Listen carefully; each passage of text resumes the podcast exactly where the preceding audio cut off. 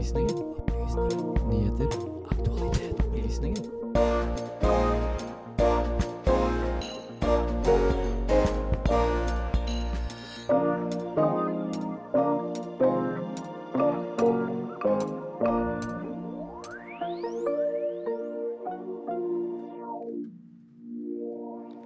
Black Friday er i dag, og vi kan kalle det en skikkelig klimabombe.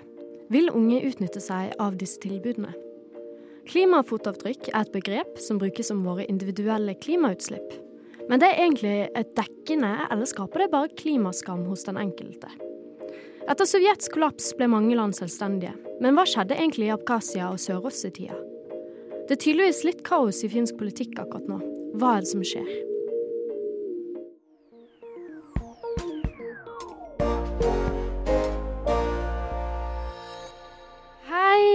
Velkommen til Opplysningen 99,3 her på Radio Nova. Jeg heter Helena Skrøder og skal følge deg gjennom denne spennende timen. Med meg her i studio så har jeg fått eh, besøk av min gode felles eh, bergenser, Marte Magnusdal. God morgen, Marte. God morgen, hyggelig å være her. Ja, så koselig. Du, eh, nå er det sånn at vi er eh, faktisk midt oppe i eksamensperioden. Hvordan, eh, hvordan takler du det? Jeg prøver ikke å tenke altfor mye på det. Det er viktig å ta litt pauser innimellom, som her i studio i dag. Men eh, det tar jo på. Det er mye å lese, mye man skal gjennom av pensum, altså. Ja, det er litt sånn Når jeg driver og leser eh, til eksamen nå, så skjønner jeg liksom OK, jo mer jeg leser, jo mindre skjønner jeg at jeg forstår. Jo, så da, alt blir bare sånn Å nei, nå blir det sånn stressende. Fordi nå vet jeg at jeg kommer til å lese om noe som jeg faktisk ikke føler at jeg kan helt, da. Og jeg skal jo ha eksamen nå på mandag. Ja, er det skoleeksamen eller hjemmeeksamen? Ja, det er skoleeksamen. Det blir jo min første skoleeksamen. For det har jo ikke vi hatt på lenge pga. korona. og- Ja, jeg gikk jo ut videregående uten en eneste skoleeksamen. Wow.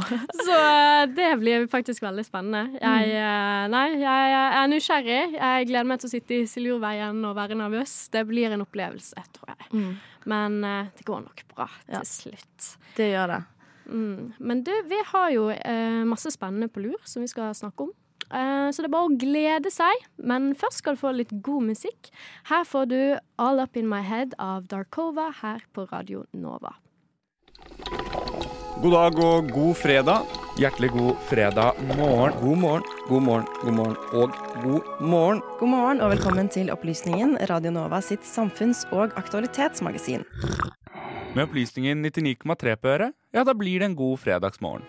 Opplysningen 99,3 hver fredag fra 10 til 11 på Radio Nova. Ja, i dag så er det jo en eh, litt spesiell dag. Det er jo nemlig Black Friday. Marte, har du tenkt til å shoppe litt i dag? Ah, Jeg tror ikke jeg skal shoppe så mye i dag, men jeg shoppet jo litt på nettet i går, da. Ja. Ja, fordi da fikk jeg en melding fra Change, dette undertøysmerket, at eh, det var 50% og 40 Wow, Og da tenkte jeg det er jo ganske god deal. Hvis det er noe her som jeg har hatt lyst på eller trenger, why not? Hvorfor ikke bare kjøre på? Ja, ikke sant?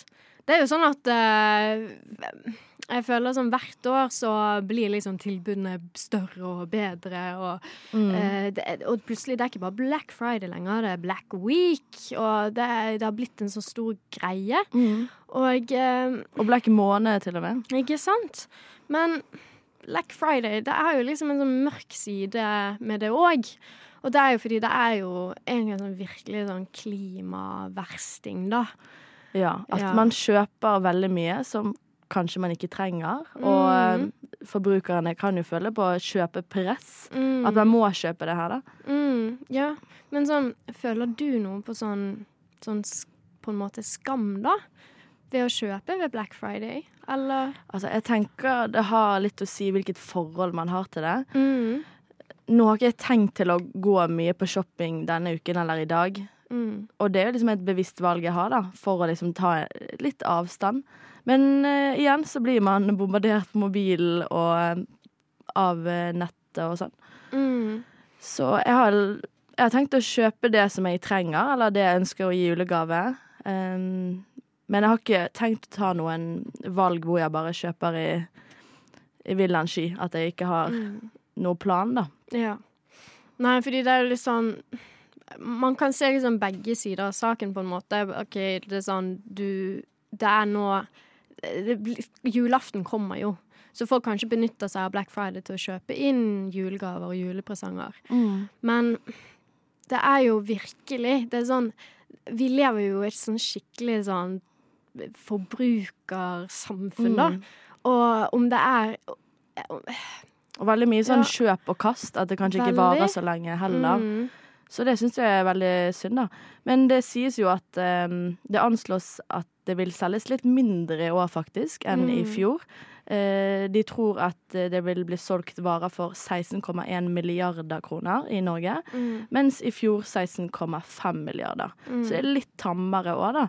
Det kan jo skyldes eh, inflasjon, eller at noen faktisk har planer om å boikotte og ta litt avstand, da. Mm. Fordi at man blir fulgt av kanskje dopamin og bare har så lyst til å handle. Mm. Jeg har jo lest meg litt opp på dette her, og da er det jo noen men som mener at eh, det at man har lyst til å shoppe, er gøy. Eh, Mm. så hvis man da velger OK, jeg skal bare se, men kanskje ikke bruke kortet, da. Mm, ja. Nei, det er jo også veldig mye snakk om dette sånn eh, klimafotavtrykket vårt. Ja. Eh, ved at vi kjøper så mye klær og så mye ting. Sånn klesproduksjonen er jo så utrolig Mm. ikke miljøvennlig. Det er helt utrolig hvor ille det faktisk er. Eh, men senere i sendingen så skal vår reporter Runa forklare litt om, eh, ja, om vårt klimafotavtrykk. da. Noe som er svært relevant i dag, ettersom det er Black Friday. Det er viktig. Eh, og det er viktig å huske å tenke litt på det, da. Men før det så skal du få høre litt musikk. Her kommer Køber med Ostesangen.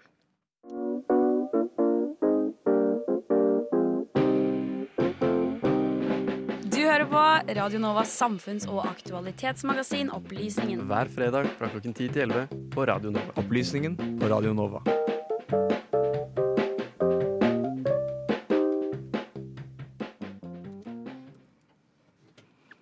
Som sagt eh, tidligere i denne sendingen, så er jo det Black Friday i dag. Um, og det er alltid en sånn diskusjon rundt uh, vårt eh, menneskets klimafotavtrykk. Mm. Tenker du noe særlig på det? Det er jo litt i bakhodet, men ikke sånn veldig, for å være helt ærlig. Altså, jeg syns jo det er synd at dette forbrukersamfunnet gjør at vi stempler et større fotavtrykk, da. Mm, Og kjøper ting som vi kanskje ikke trenger, osv., så videre og så mm. Så det er jo synd, da, og da blir det sånn Hvordan kan man løse den utfordringen, da? Ja, Hvem skal på banen for å Mm. Ja, for at uh, vi kanskje ikke kjøper så mye, eller at produktene vi faktisk kjøper, varer litt lengre enn bare noen måneder eller et år.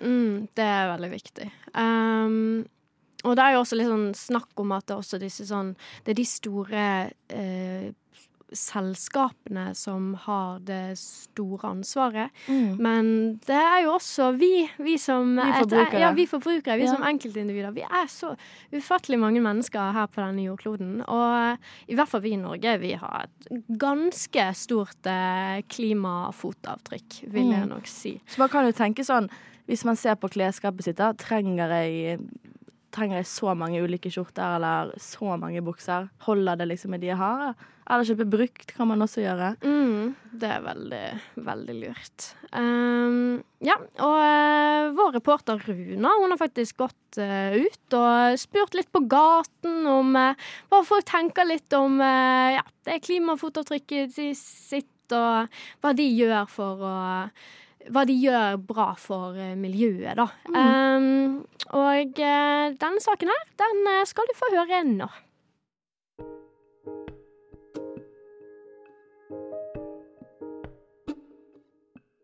I mange år har klimafotavtrykk vært et begrep som har preget mange mennesker i verden.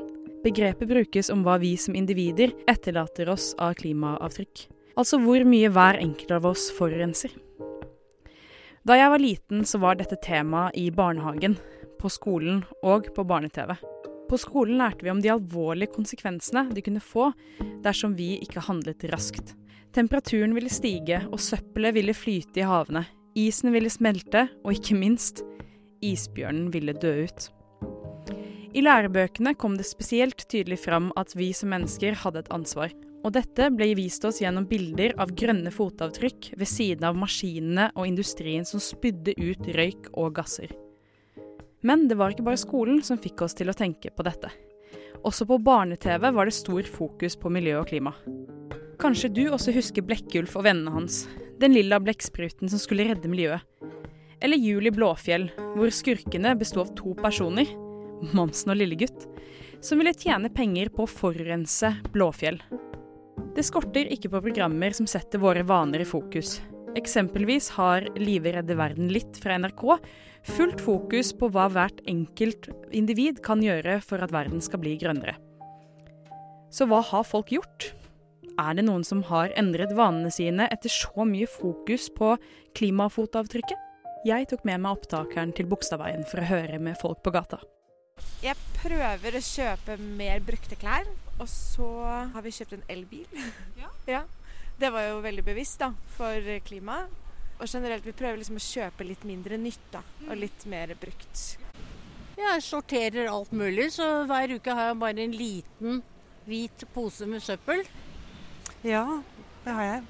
Eh, jeg sorterer eh, mye mer eh, og er bevisst på det. Og handler mindre.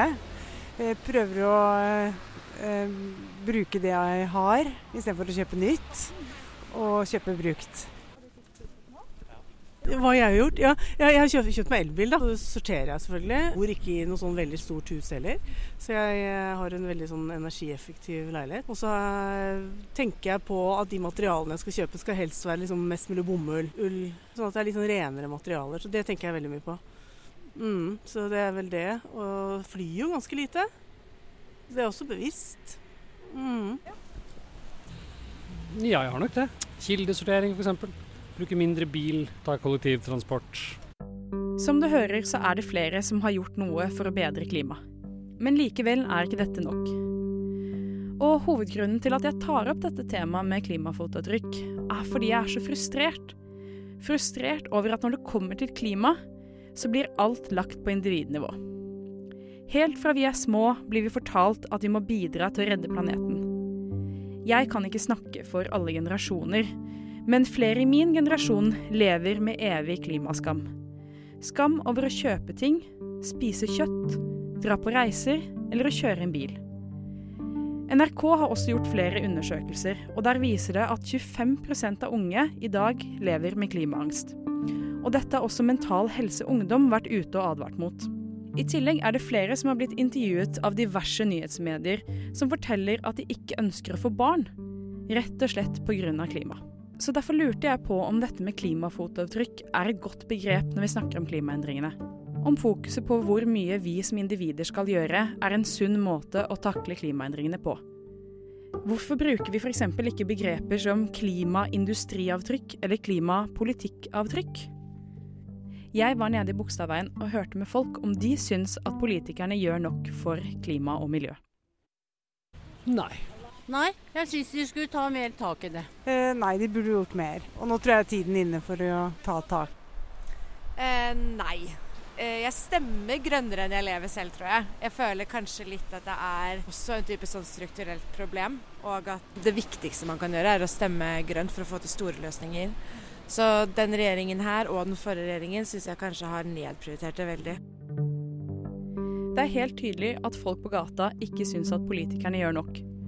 Og ser du på resultatene fra klimatoppmøtet ifra Sharm el Sheikh, så ser det ikke ut som at politikerne er fornøyde heller. SV sier at verden må ta et langt større skritt i kampen mot klimakrisen enn det som har skjedd under årets toppmøte. De er rett og slett skuffa. Og dette gjelder også Greenpeace og MDG, som heller ikke er fornøyd.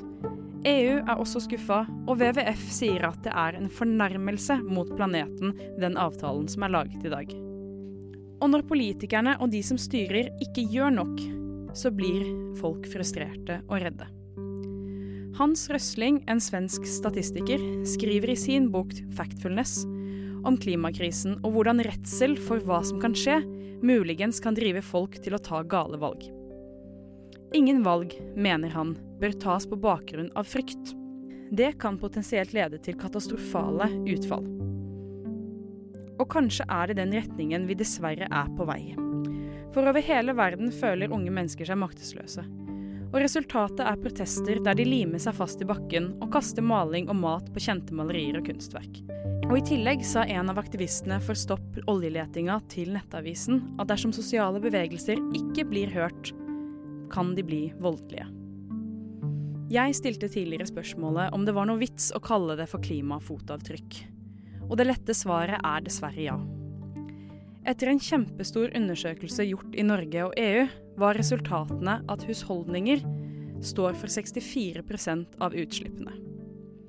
Våre vaner når det kommer til transport, reiseliv, mat, shopping, oppussing osv. utgjør over halvparten av utslippene, og vi er nødt til å endre dem. Men det litt mer avanserte svaret på om klimafotavtrykk er et godt begrep, er kanskje at det er litt urettferdig å legge all vekt over på enkeltindivider. For at vi kan gjøre våre endringer, trenger vi politisk vilje og handling. Det å legge så mye av debatten over på enkeltpersoner skaper frykt og fortvilelse. Og skal vi tro røsling, kan dette skape et enda dårligere resultat enn slik vi ser det i dag. Jeg vil derfor avslutningsvis rette oppmerksomheten til de som styrer. Vi som borgere er i stor grad villige til å endre vaner. Og mange av oss er bekymra for klimaet og fremtiden. Så vi ber dere som sitter med makten vi har gitt dere, om hjelp. Hjelp oss til å ta gode valg. Hjelp planeten slik at den ikke blir ulevelig. Løft noe av klimaskammen av våre skuldre, og skap en verden der unge ikke har klimaangst. Og kanskje kan vi som er unge i dag, få håp for framtiden, og en dag ønske å få barn som vokser opp på en ren og fin og grønn planet.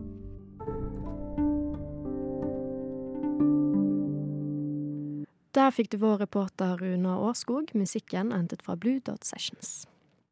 Og så bruker han jo da også i forlengelsen av det dette ordet terrorist. ikke sant? På sett og vis er jo det USAs store gave til verdens uh, autoritære Finne et litt mer, litt mer, nyansert språk der. De arabiske statene prøver å føre en sånn politikk hvor de kan støtte palestinerne i retorikk, men i praksis holde seg egentlig unna konflikten. Radio Novas samfunns- og aktualitetsmagasin Opplysningen gir deg historiene, sakene og debattene andre overser. Aldri redd, alltid balansert.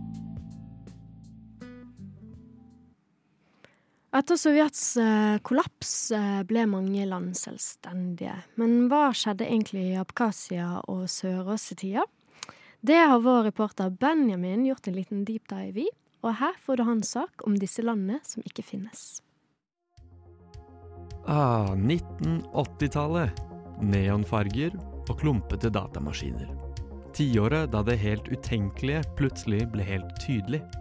Det en gang så rigide Sovjetunionen var i total oppløsning på ca. alle mulige måter du kan forestille deg. Selv i Moskvas finere nabolag strakk matkøene seg så lange at folk kunne stå i fire timer bare for å kjøpe melk og brød. Den planstyrte økonomien sviktet i så godt som alle ledd på alle steder på én gang. Sovjet sang på sitt siste vers, og det var mangel på det meste. For å ikke snakke om folks tålmodighet med styret. Som vi er godt kjent med her i Europa, så fikk flere land sin selvstendighet da begeret rant over. Berlinmuren falt, Tyskland ble hel igjen, og det kommunistiske prosjekt lå med brukket rygg. På usedvanlig fredelig vis blir Estland, Latvia, Litauen, Belarus og Ukraina legitimt anerkjent som stater. De blir absorbert inn i FN og starter sin postsovjetiske tilværelse som frie land. Men nå har jeg malt med en bred pensel.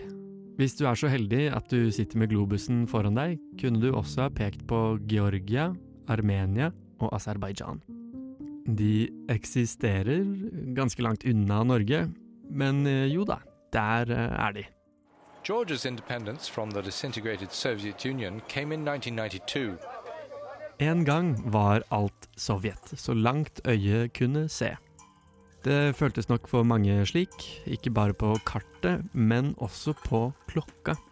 Den sovjetiske normalen var som støpt i betong, ute av tid og rom. For når denne kollapsen braker løs, spytter den ut alle historiens viktige og vanskelige spørsmål. Fjerne spøkelser som plutselig blir til ekte konfrontasjon og ekte blodsutgytelse. Så si meg, hva kan du fortelle meg om Abkhazia, Sør-Ossetia, Tsjetsjenia eller Artsakh? For mange tror jeg dette bare fremstår som en remse av fremmedklingende lyder. Det er nok mindre selvfølgelig for oss at dette egentlig er fire steder. Alle både ofre og deltakere i krig og elendighet. Hele Kaukasus-området slenges inn i et titalls ulike nasjonale fortellinger, som driver hundretusener på flukt og river lokalsamfunn fullstendig i stykker. Den er altså voldelig og tragisk. Det er kanskje til og med en underdrivelse. Vi må dykke dypere. Man forbinder gjerne Georgia med ostebrød og vin. Men så er det slik at Georgia mangler to av sine provinser. Det er lett å glemme, men for kun 30 år siden begynner det i Georgia en brutal postsovjetisk krig. The rebels are using every kind of weapon they can lay hands on. Their shelling is relentless.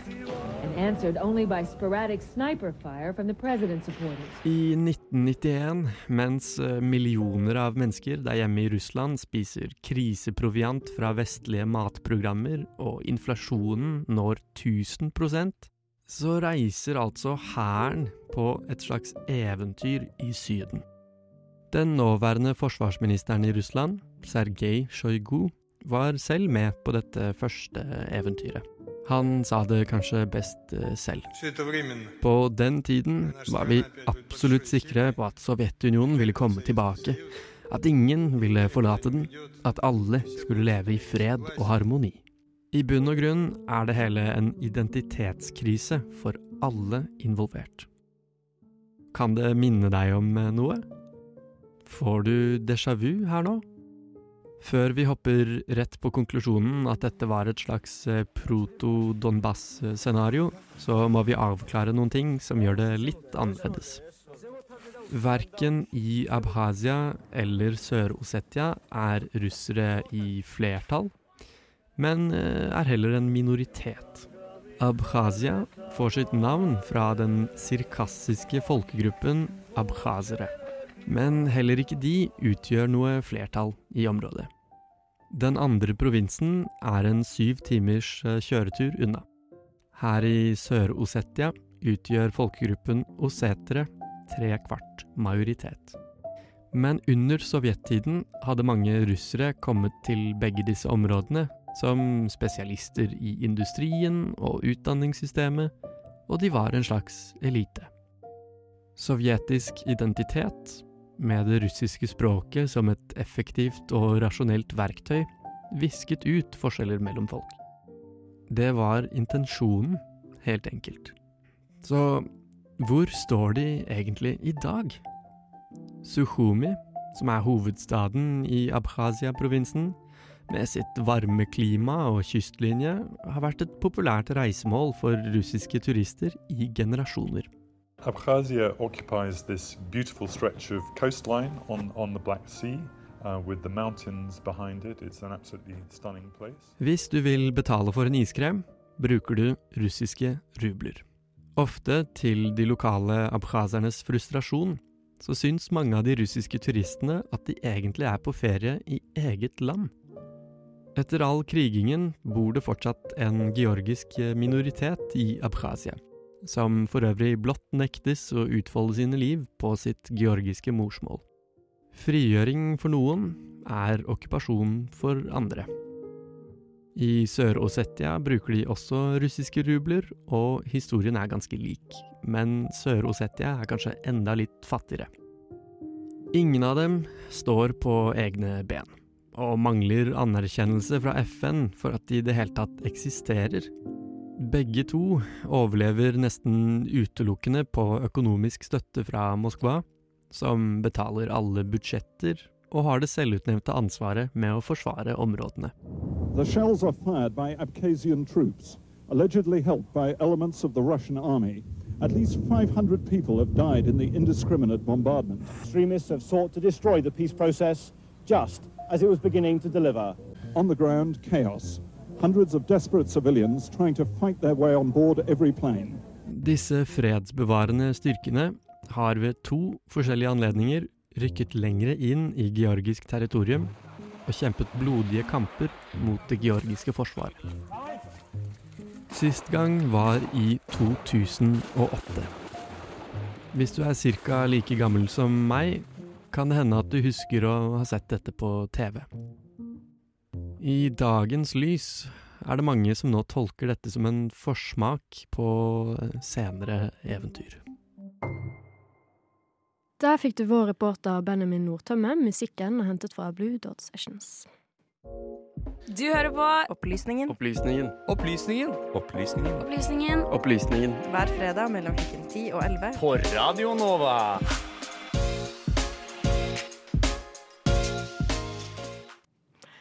Vet du noe om eh, finsk politikk, Marte?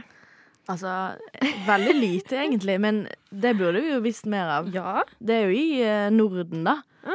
Vi er jo naboland med Finland også. Ja, det er jo det, da. Men uh, jeg vet egentlig nesten ingenting om eh, finsk politikk. Men tydeligvis Er det ikke valg snart? Jo. Og tydeligvis er det litt kaos i den politikken akkurat Såpass. nå. Eh, så det har vår eh, reporter Alexander eh, gjort en sak om, da. Om eh, dette kaoset i eh, finsk politikk. Og den får du høre nå. Mens Støre-regjeringen sliter med oppslutning og interne problemer her i Norge, har det òg vært kaotisk i finsk politikk i det siste. Det har vært spekulert på om regjeringen kunne komme til å falle, og regjeringen har blitt plagd av uenigheter regjeringspartiene seg imellom. Statsminister i Finland er den 37 år gamle sosialdemokraten Sanna Marin. Hun leder en regjering som i tillegg til det finske sosialdemokratiske partiet består av Senterpartiet, Svenska Folkepartiet, De Grønne og det sosialistiske partiet Venstreforbundet. Tidligere i høst herska det usikkerhet om hvorvidt Senterpartiet kunne komme til å felle regjeringen, som en følge av at opposisjonen hadde levert inn en såkalt interpellasjon om EUs forordning om biologisk mangfold. Kort tid senere kritiserte finansminister Annika Sariko fra Senterpartiet statsminister Sanna Marin offentlig for å ville framsette forslag til ny sametingslov, et forslag Senterpartiet ikke var enig i. Finansministeren fikk offentlig svar på tiltale fra statsministeren, som sa at dette hadde de diskutert, og at finansministeren hadde gjort en helomvending. Justisministeren fra svenska Folkepartiet kalte det hele for et sirkus. Dette skriver finske Hudstadsbladet i en kommentar. Avisa skrev at Finland kunne risikere en regjeringskrise på en måte som ville kunne gå utover Finlands sikkerhetspolitiske situasjon på et tidspunkt da det aller minst burde skje. Finland er inne i en spennende tid akkurat nå, hvor landet er full fart på vei inn i Nato. Og kaoset, det skulle fortsette. Senest om ca. fire måneder, den 2. april, skal det holdes parlamentsvalg, eller riksdagsvalg som det gjerne kalles, i Finland. Det betyr at skal regjeringen rekke å få flere av sine lovforslag vedtatt, så skulle de helst ha vært levert til Riksdagen i forrige uke. Det sto klart at regjeringen ikke kom til å rekke å få alle sine lovforslag gjennom. Dermed måtte mange forslag kuttes, og dette ble det bråk regjeringspartiene seg imellom av. Det finske mediet Svenska Yle skriver at eh, regjeringen, for å holde seg sjøl sammen, valgte å gravlegge de mest omstridte lovforslagene, bortsett fra ett. Forslaget til ny sametingslov. Dette forslaget skaper splid i Finland. For det handler om hvem som egentlig er samisk nok til å stemme i sametingsvalg. Hvem skal kunne stå i valgmanntallet og bli valgt til det finske sametinget? I forslaget fra regjeringen strammes det inn på hvem som kan stemme i sametingsvalg. Hvorfor gjør man det? Det handler om en bekymring for at det er for mange i dag som kan stemme i sametingsvalg uten å ha sterk nok samisk bakgrunn. Samemanntallet blir for finsk, ifølge mange. Svenska Yle skriver at FN har krevd en ny sametingslov i Finland, og gitt Finland kritikk for ikke å trygge samenes rettigheter. FN har imidlertid ikke krevd at valgmanntallet skal gjøres om. Alle partiene i regjeringen støtter lovforslaget, bortsett fra Senterpartiet. Nå har regjeringen gjort noe som har skapt oppstandelse. De har framsatt lovforslaget for Riksdagen, selv om Senterpartiet ikke er enig i forslaget. Og Senterpartiet akter å stemme imot. Dermed er det opposisjonen som bestemmer om forslaget blir lov eller ikke. Om man i det hele tatt rekker å behandle forslaget før valget. Gjør man ikke det, kommer nok denne kontroversielle saken til å stå på agendaen òg i neste valgperiode. De fem partiene som nå styrer, ligger an til å kunne få flertall ved neste valg, sånn meningsmålingene ser ut nå. Sanna Marins parti ser derimot ikke ut til å bli det største.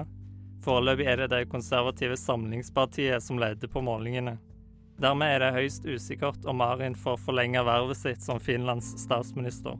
Det er ikke uvanlig at det blir kaotisk i slutten av en valgperiode i Finland.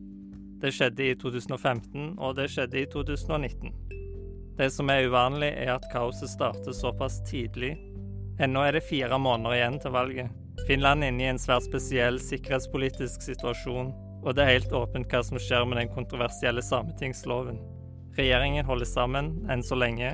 Om det blir en ny vår for regjeringen, eller om det gror fram nytt lederskap i Finland med vårens ankomst, eller kanskje enda tidligere, gjenstår å se.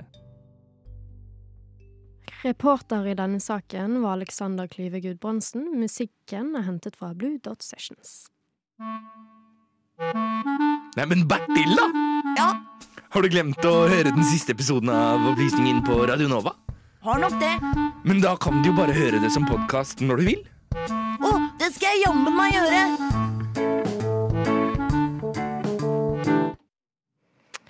Ja, nei, nå eh, er vi dessverre på slutten av eh, sendingen, eh, folkens. Ja, hva har du tenkt å gjøre i helgen, Marte?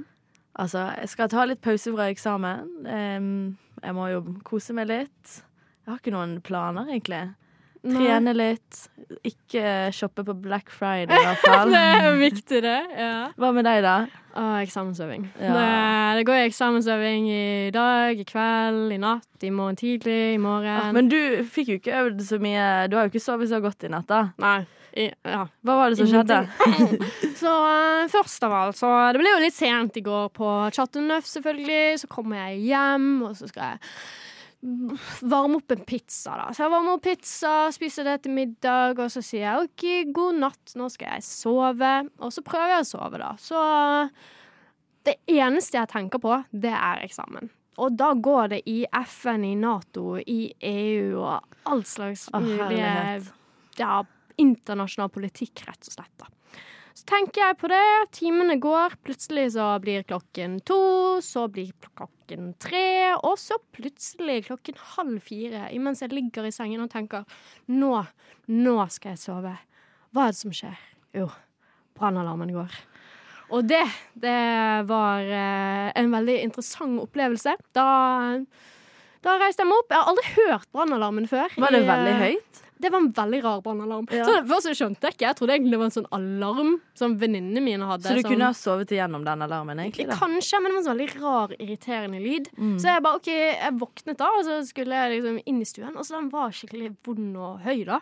Og så bare sånn, eh, folkens Jeg måtte få litt sånn støtte av de jeg bor med, fordi alle lå og sov, ikke sant? Oh, Og så, ja, det ble, det ble en interessant opplevelse. I hvert fall, vi bruker ufattelig lang tid på å komme oss ut.